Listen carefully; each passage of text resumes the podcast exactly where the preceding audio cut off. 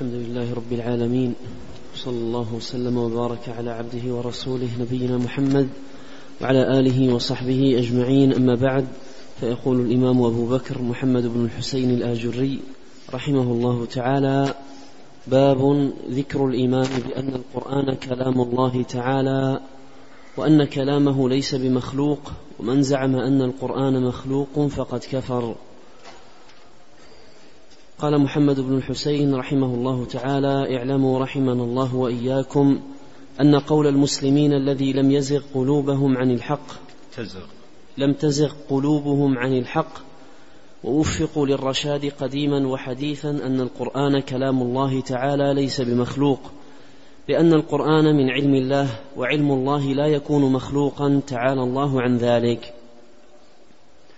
دل على ذلك القرآن والسنة وقول الصحابة رضي الله عنهم وقول أئمة المسلمين لا ينكر هذا إلا جهمي خبيث والجهمي عند العلماء كافر. قال الله تعالى وإن أحد من المشركين استجارك فأجره حتى يسمع كلام الله. وقال تعالى وقد كان فريق منهم يسمعون كلام الله ثم يحرفونه من بعد ما عقلوه.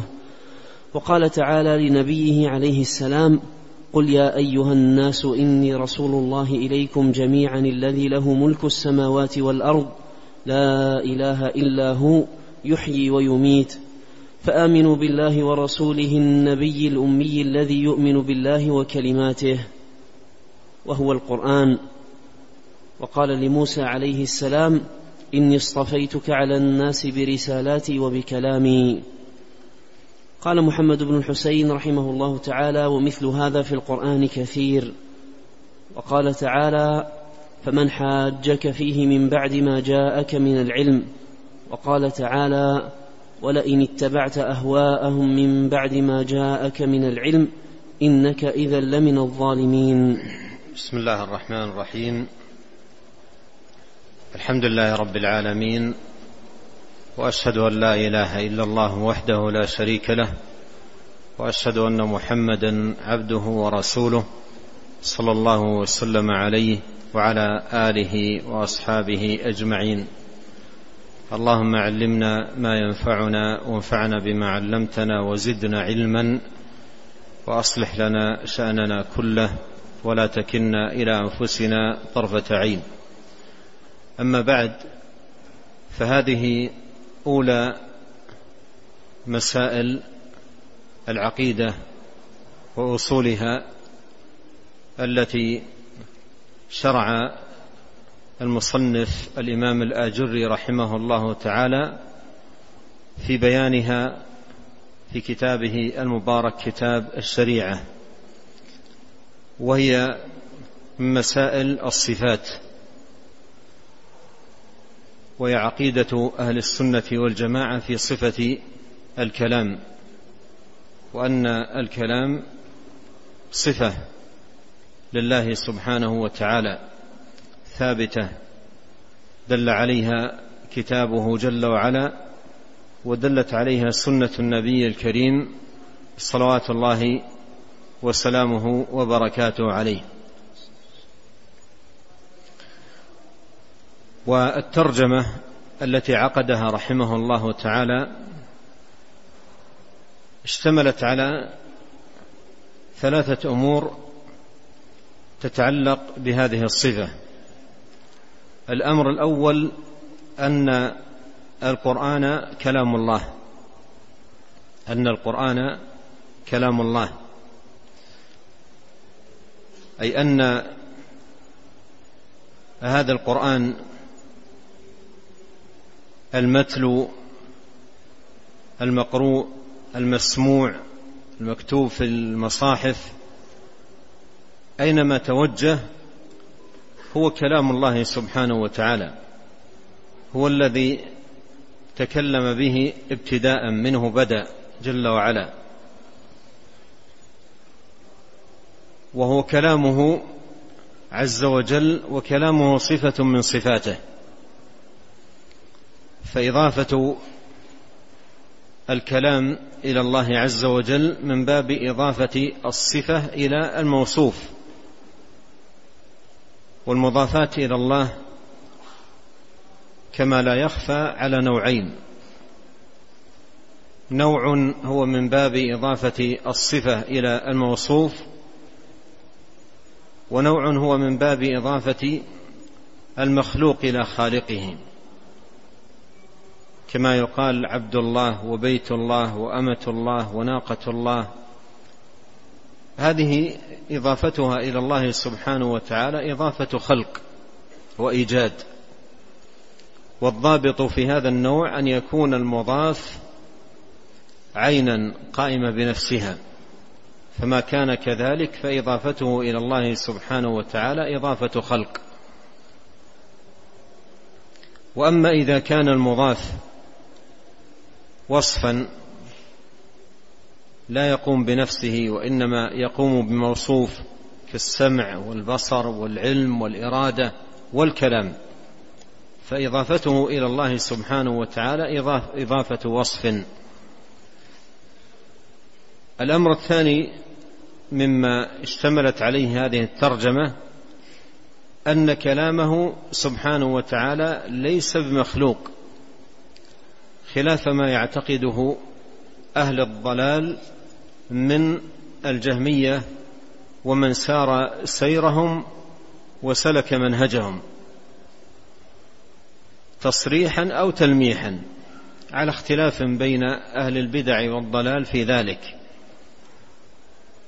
فالقرآن غير مخلوق. القرآن كلام الله غير مخلوق. وهذه الكلمة غير مخلوق تأتي شواهدها ودلائلها الكثيرة وهي جزء من المعتقد لا بد منه بل إن الاعتقاد الصحيح لا يتمحص إلا بهذه الكلمة غير مخلوق. فلا يكفي في تقرير المعتقد أن يقال القرآن كلام الله بل لا بد من هذه الكلمة غير مخلوق. وذلك أن أهل البدع والضلال وجد فيهم من يقول القرآن كلام الله ويضيف الكلام إلى الله سبحانه وتعالى لكنه يعتبر الإضافة إضافة وصف يعتبر الإضافة إضافة خلق وليست إضافة وصف. يعتبر الإضافة إضافة خلق وليست إضافة وصف. ولهذا لا يتمحص المعتقد إلا بهذه الكلمة والتنصيص عليها. ولهذا جاءت النقول الكثيرة عن أئمة السلف رحمهم الله تعالى أن القرآن كلام الله غير مخلوق ومن أوسع من جمع ألفاظ السلف مسوقة إليهم بأسانيدها. في تقرير ذلك الإمام اللالكائي رحمه الله تعالى في كتابه شرح الاعتقاد فساق بالإسناد إلى أكثر من خمسمائة نفس من أئمة السلف. رحمهم الله تعالى كلها فيها تقرير هذا الأصل العظيم أن القرآن كلام الله غير مخلوق ومن قال مخلوق فقد كفر. والأمر الثالث مما اشتملت عليه هذه الترجمة أن من زعم أن القرآن مخلوق فقد كفر. أن من زعم أن القرآن مخلوق فقد كفر. وهذا فيه التنصيص على أن هذه العقيدة عقيدة الجهمية أن القرآن مخلوق عقيدة كفرية فيها من عدم التعظيم لله سبحانه وتعالى ولوحيه وتنزيله جل في علاه ما لا يخفى. وهذه العقيدة عقيدة الجهمية في القرآن أن القرآن مخلوق عقيدة تفضي ولا بد إلى امتهان القرآن والاستهانة به وعدم تعظيمه التعظيم اللائق به.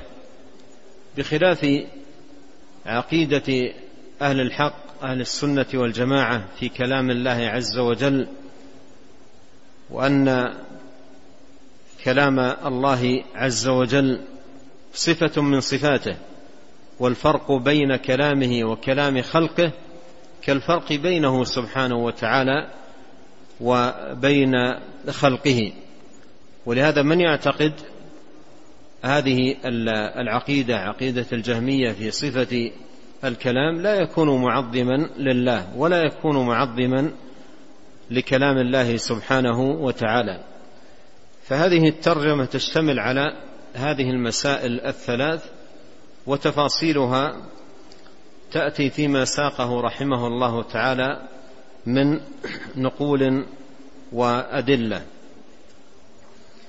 قال رحمه الله اعلم رحمنا الله وإياك أن قول المسلمين الذين لم تزغ قلوبهم عن الحق ووفقوا للرشاد قديما وحديثا أن القرآن كلام الله تعالى ليس بمخلوق لأن القرآن من علم الله لأن القرآن من علم الله وعلم الله لا يكون مخلوقا تعالى الله عن ذلك.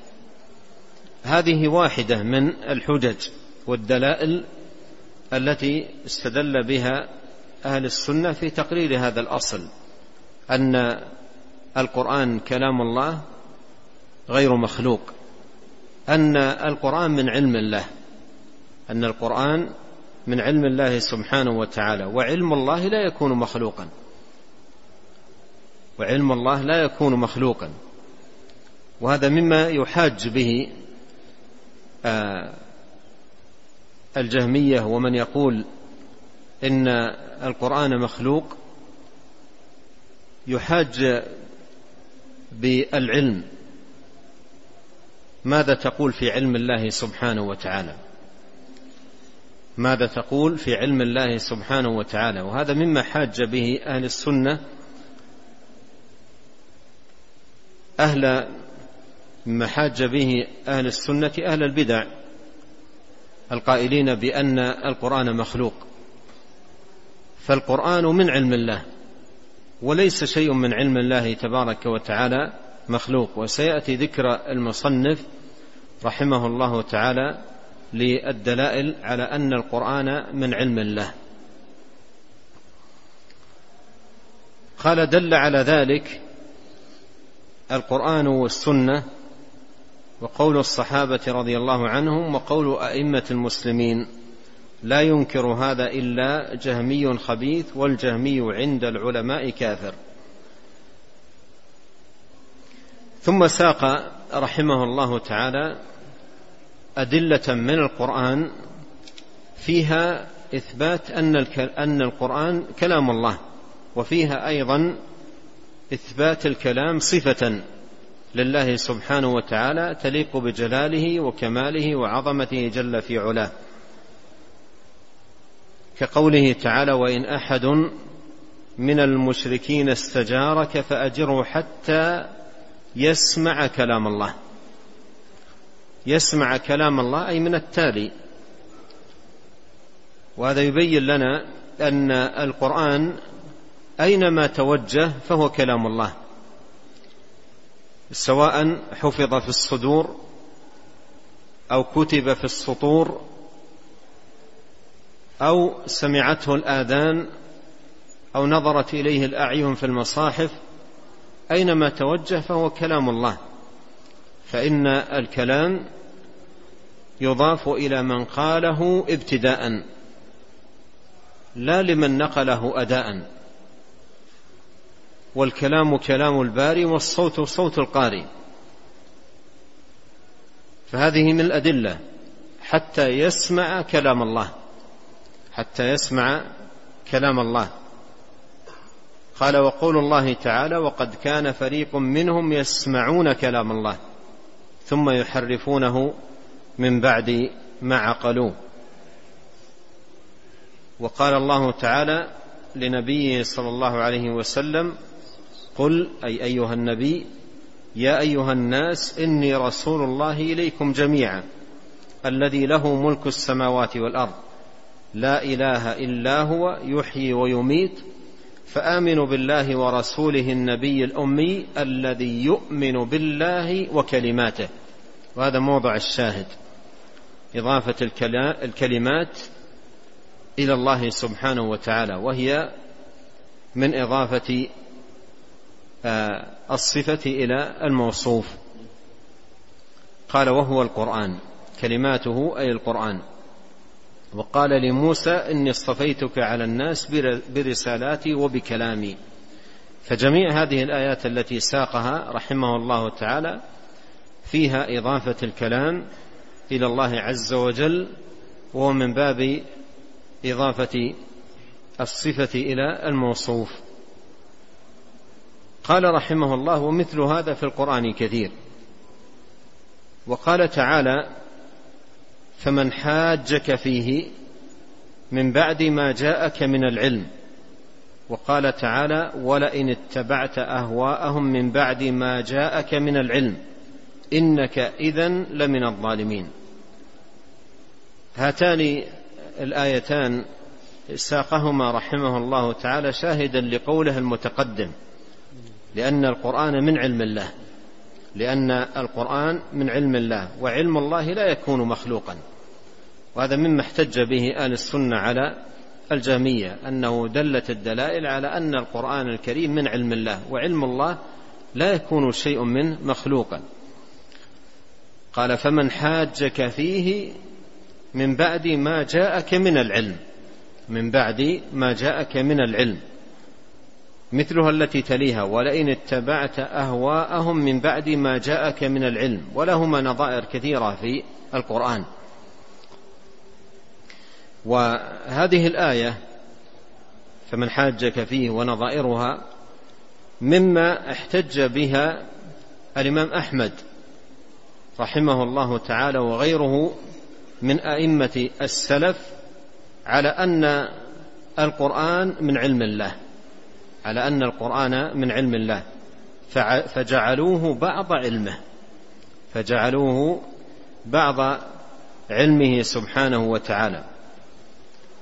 ولا يكون شيء من علم الله تبارك وتعالى مخلوقا. فهذا من الدلائل البينة الظاهرة على بطلان قول من يقول إن القرآن مخلوق. فالقرآن من علم الله. وهذه الدلائل دلت على ذلك. وليس شيء من علم الله تبارك وتعالى آه، مخلوق وليس شيء من علم الله تبارك وتعالى مخلوق. نعم. قال محمد بن الحسين رحمه الله تعالى لم يزل الله عالما متكلما سميعا بصيرا بصفاته قبل خلق الأشياء من قال غير هذا كفر. وسنذكر من السنن والآثار وقول العلماء الذين لا يستوحش من ذكرهم ما إذا سمعها من له علم وعقل زاده علما وفهما وإذا سمعها من في قلبه زيغ فإن أراد الله هدايته إلى طريق الحق رجع عن مذهبه وإن لم يرجع فالبلاء أعظم. فالبلاء عليه أعظم. قال رحمه الله تعالى لم يزل لم يزل الله عالما متكلما سميعا بصيرا بصفاته قبل خلق الأشياء من قال غير هذا كفر. لم يزل الله عالما متكلما سميعا بصيرا بصفاته قبل خلق الأشياء. من قال غير هذا فقد كفر. جاء في القرآن آيات كثيرة فيها مثل قول الله عز وجل إن الله كان عليما حليما. مثل قوله وكان الله سميعا بصيرا.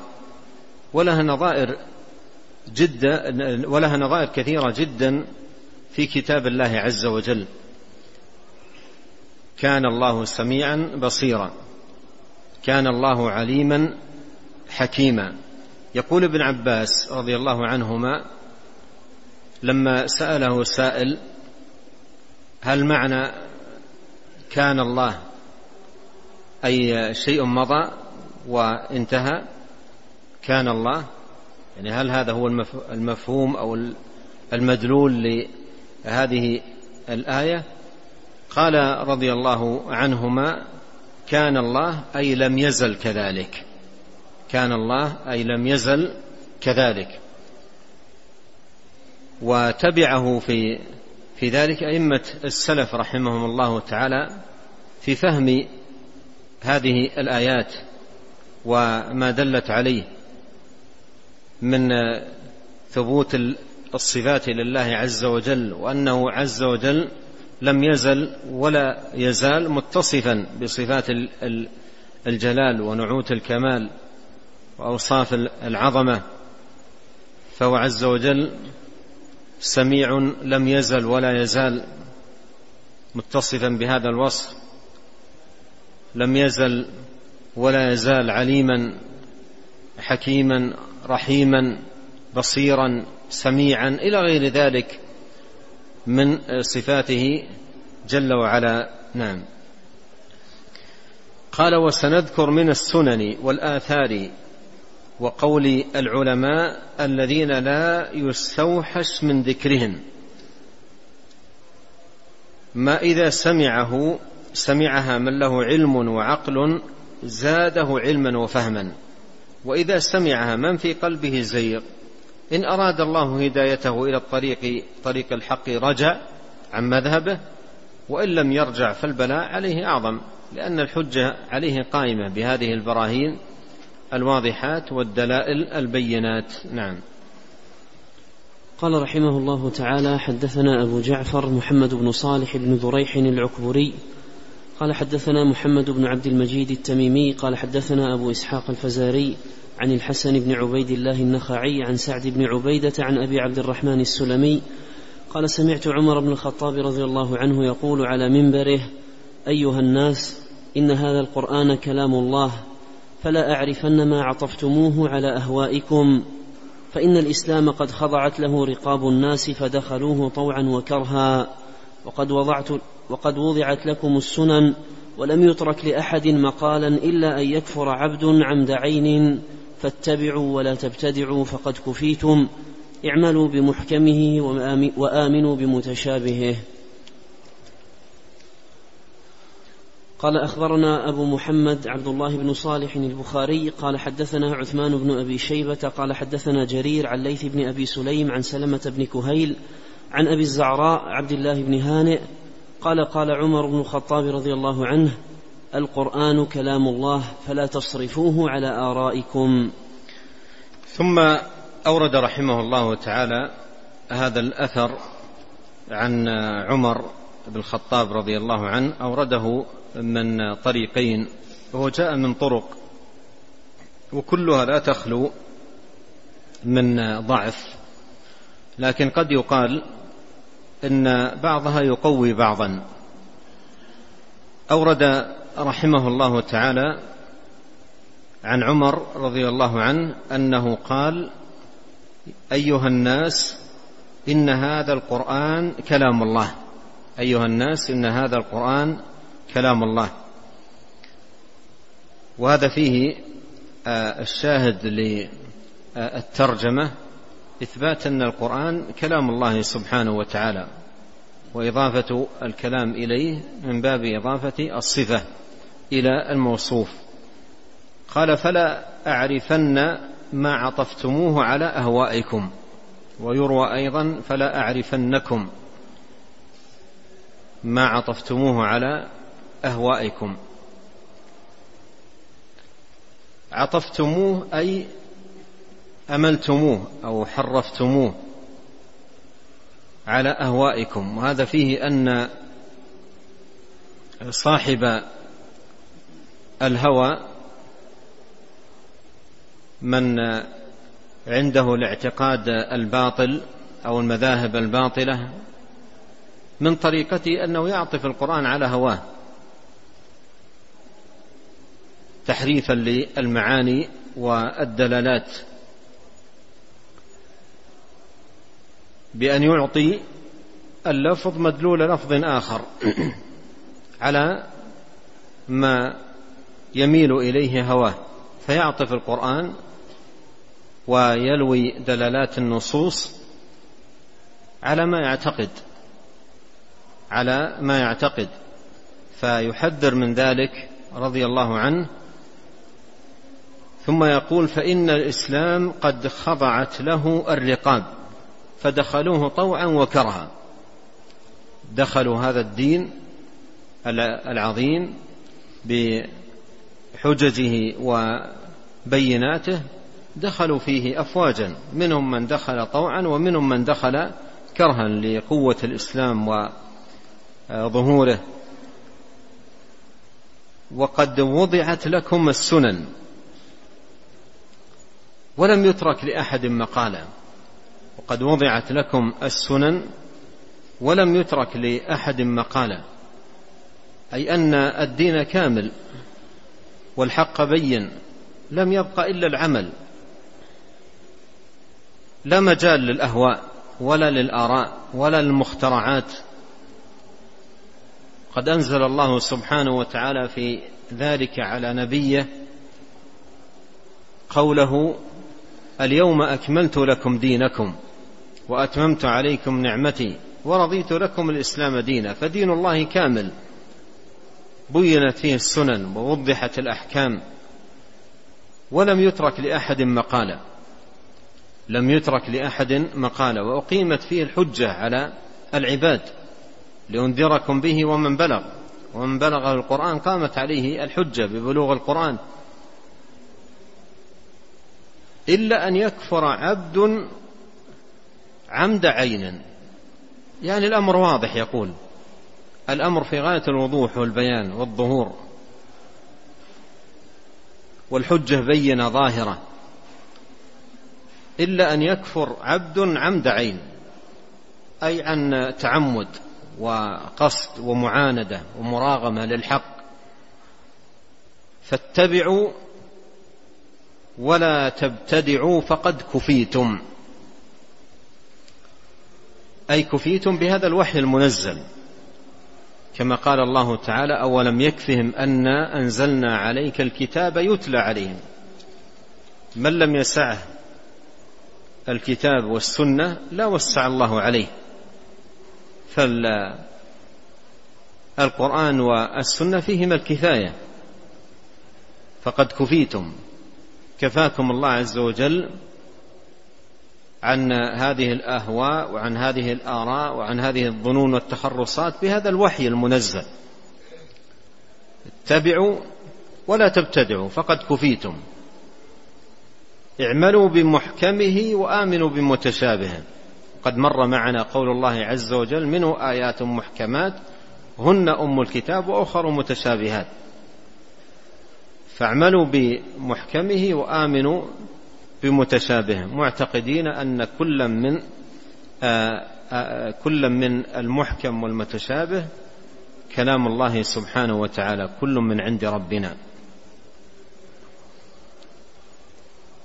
وفي الطريق الأخرى قال عن عمر أنه قال القرآن كلام الله فلا تصرفوه على آرائكم. قوله لا تصرفوه على آرائكم بمعنى فلا أعرفن ما عطفتموه على أهوائكم. عطفتموه أي صرفتموه. نعم. قال رحمه الله تعالى حدثنا أبو القاسم عبد الله بن محمد بن عبد العزيز البغوي.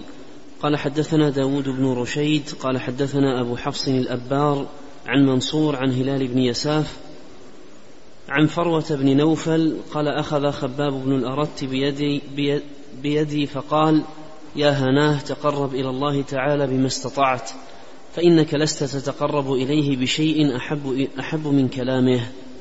وهذه كلمة عظيمة لخباب ابن الأرت آه، يرويها عنه فروة بن نوفل قال أخذ بيدي. فقال يا هناه تقرب إلى الله بما استطعت. يا هنا هذه لا تستعمل إلا في النداء. يقال للرجل يا هناه وللمرأة يا هنتاه بمعنى يا هنا يا رجل ويا هنتا يا امرأة. فلا تستعمل هذه الكلمة إلا في النداء. تقرب إلى الله بما استطعت. أي اجتهد في التقرب إلى الله وابتغاء الوسيلة. إليه سبحانه وتعالى بما يحب. أولئك الذين يدعون يبتغون إلى ربهم الوسيلة أيهم أقرب ويرجون رحمته ويخافون عذابه. تقرب إلى الله بما استطعت. جاهد نفسك على حسن التقرب إلى الله بما استطعت أي من الأعمال الصالحة والطاعات الزاكية المقربة إلى الله سبحانه وتعالى. فإنك, لن فإنك لست تتقرب إليه بشيء أحب إليه من كلامه. فإنك لست تتقرب إليه بشيء أحب من كلامه. وهذا في فضل القرآن وفضل التقرب إلى الله سبحانه وتعالى بتلاوة القرآن وتدبر القرآن. كتاب أنزلناه إليك مبارك ليدبروا آياته وليتذكر أولو الألباب. فمن أعظم ما يتقرب به المتقرب إلى الله سبحانه وتعالى أن يتلو كلام الله. الذين آتيناهم آه، أن يتلو كلام الله سبحانه وتعالى تلاوة مشتملة على آه، حسن التدبر للكلام كلام الله عز وجل وحسن العمل بالقرآن. الذين آتيناهم الكتاب يتلونه حق تلاوته أولئك يؤمنون به. وتلاوة القرآن حق التلاوة تكون بهذه الأمور الثلاثة القراءة للقرآن تلاوة له والفهم لمعاني القرآن ودلالاته والعمل بالقرآن. والعمل بالقرآن نفسه يعد تلاوة للقرآن. يعد تلاوة للقرآن. صلاة المصلي وزكاة المزكي وصيام الصائم هذا كله من تلاوة القرآن أي من اتباع القرآن. من اتباع القرآن والعمل بما دل عليه. قال فإنك لست تتقرب إليه بشيء أحب من كلامه. والتقرب إلى الله سبحانه وتعالى بكلامه أن يتلى كلام الله وأن يتدبر كلام الله سبحانه وتعالى وأن يعمل بكلامه جل في علاه. نعم. قال رحمه الله تعالى حدثنا أبو عبد الله أحمد بن أبي عوف البزوري أو البزوري قال حدثنا سويد بن سعيد قال حدثنا معاوية بن عمار قال سئل جعفر بن محمد رضي الله عنه عن القرآن أخالق أو مخلوق؟ قال ليس بخالق ولا مخلوق ولكنه كلام الله تعالى. قال قال حدثنا أبو عبد الله محمد بن مخلد العطار قال حدثنا أبو داود السجستاني قال حدثنا الحسن بن الصباح البزار قال حدثنا معبد بن عبد الرحمن ثقة عن معاوية بن عمار قال سألت جعفر بن محمد عن القرآن فقال ليس بخالق ولا مخلوق ولكنه كلام الله تعالى. قال وهو معبد بن راشد كوفي روى عنه موسى بن داود ورويم بن يزيد. نعم هذا أثر رواه رحمه الله تعالى من طريقين عن جعفر بن محمد أنه سئل عن القرآن فقال ليس بخالق ولا مخلوق. سئل عن القرآن أخالق أو مخلوق؟ قال ليس بخالق ولا مخلوق ولكنه كلام الله تبارك وتعالى. قوله آه، رحمه الله ليس بخالق ولا مخلوق أي ليس هو الخالق المخلوقات. ليس القرآن هو الخالق للمخلوقات وليس أيضا هو من جملة المخلوقات. ليس هو الخالق للمخلوقات وليس من جملة المخلوقات بل هو كلام الله. ولهذا سئل القرآن خالق أو مخلوق؟ قال ليس بخالق ولا مخلوق ولكنه كلام الله. ولكنه كلام الله وكلام الله سبحانه وتعالى صفة من صفاته اللائقة بجلاله سبحانه وتعالى وكلمات الله كثيرة منها القرآن. كلمات الله كثيرة ومنها القرآن ولا يقال إن كلماته هي الخالقة وإنما الخالق هو الله سبحانه وتعالى. سئل القرآن خالق أو مخلوق؟ قال ليس بخالق وليس بمخلوق ولكنه كلام الله. نعم. قال حدثنا أبو عبد الله جعفر بن إدريس القزويني قال حدثنا حموية بن يونس إمام مسجد جامع قزوين. قال حدثنا جعفر بن محمد بن فضيل الرأسي رأس العين قال حدثنا عبد الله بن صالح كاتب الليث بن سعد قال حدثنا معاوية بن صالح عن علي بن أبي طلحة عن ابن عباس رضي الله عنهما في قوله تعالى قرآنا عربيا غير ذي عوج قال غير مخلوق قال حموية بن يونس بلغ أحمد بن حنبل هذا الحديث فكتب إلى جعفر بن محمد بن فضيل يكتب إليه بإجازته فكتب إليه بإجازته فسر أحمد بهذا الحديث وقال كيف فاتني عن عبد الله بن صالح هذا الحديث؟ ثم أورد رحمه الله تعالى عن ابن عباس آه، رضي الله عنهما في تفسير قول الله عز وجل قرآنا عربيا غير ذي عوج. أي معنى قوله غير ذي عوج؟ قال غير مخلوق. قال ابن عباس رضي الله عنهما غير مخلوق. والإمام أحمد رحمه الله تعالى كما روى عنه الآجري رحمه الله تعالى سر بهذا النقل عن عن سر بهذا النقل عن ابن عباس رضي الله عنهما. وهذا السرور كله من عظيم العناية بالمعتقد والفرح بشواهده ودلائله وما تقوم به الحجة على المخاصم من الجهمية وأضرابهم ففرح بذلك وسر رحمه الله تعالى.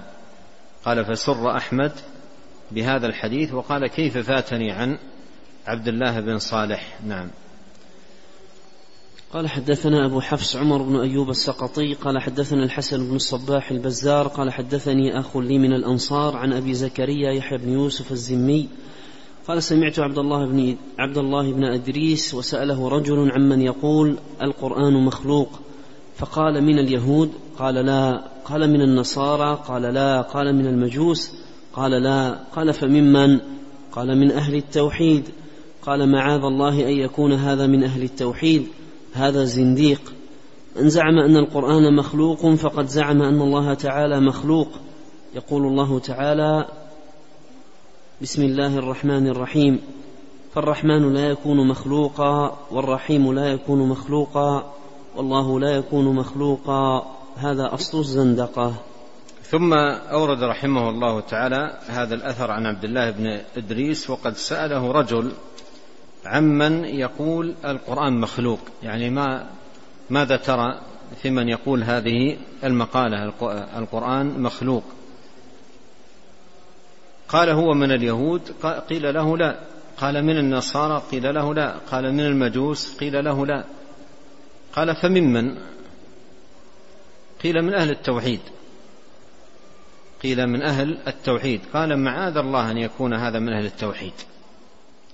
معاذ الله أن يكون هذا من أهل التوحيد لأن هذه عقيدة مصادمة للتوحيد. كيف يكون من أهل التوحيد؟ وهو يعتقد هذه العقيدة المصادمة لتوحيد الله سبحانه وتعالى. قال هذا زنديق من زعم أن القرآن مخلوق فقد زعم أن الله تعالى مخلوق لأن القرآن صفة من صفات الله سبحانه وتعالى. ثم ذكر دليلا على ذلك. قول الله عز وجل بسم الله الرحمن الرحيم. مشيرا إلى أن القرآن من جملة الأمور التي اشتمل عليها أسماء الله سبحانه وتعالى وصفاته. السميع العليم البصير الرحمن الرحيم الحكيم الخبير. هذه أسماء جاءت في القرآن جاءت في كلام الله سبحانه وتعالى. قال بسم الله الرحمن الرحيم. لا يكون فالرحمن لا يكون مخلوقا والرحيم لا يكون مخلوقا والله لا يكون مخلوقا. بسم الله الرحمن الرحيم. ثلاثة أسماء في هذه الآية. ثلاثة أسماء. الله الرحمن الرحيم. قال فالرحمن لا يكون مخلوقا والرحيم لا يكون مخلوقا والله لا يكون مخلوقا. هذا أصل الزندقة. هذا أصل الزندقة. فاحتج عليهم بهذه الآية وبنظائرها من الآيات الكثيرة في القرآن التي جاءت مشتملة على أسماء الله تبارك وتعالى وصفاته. وسيأتي أيضا في جملة النقول التي ساقها رحمه الله تعالى آه، انواعا من الأدلة. يعني هنا مر معنا من أنواع الأدلة آه، أن القرآن من علم الله ولا يكون شيء من علم الله مخلوقا. وهذا النوع الآن ذكر فيه أن القرآن مشتمل على أسماء الله الرحمن الرحيم السميع البصير إلى غير ذلك. وليس شيء من أسماء الله تبارك وتعالى أو صفاته مخلوق. تعالى الله عما يقول الظالمون وسبحان الله عما يصفون. ونكتفي بهذا القدر ونسأل الله الكريم رب العرش العظيم أن ينفعنا أجمعين بما علمنا وأن يزيدنا علما وأن يصلح لنا شأننا كله وألا يكلنا إلى أنفسنا طرفة عين. اللهم اغفر لنا ولوالدينا ولمشايخنا وللمسلمين والمسلمات والمؤمنين والمؤمنات الأحياء منهم والأموات. اللهم آت نفوسنا تقواها وزكها أنت خير من زكاها أنت وليها ومولاها. اللهم إنا نسألك الهدى والتقى والعفة والغنى.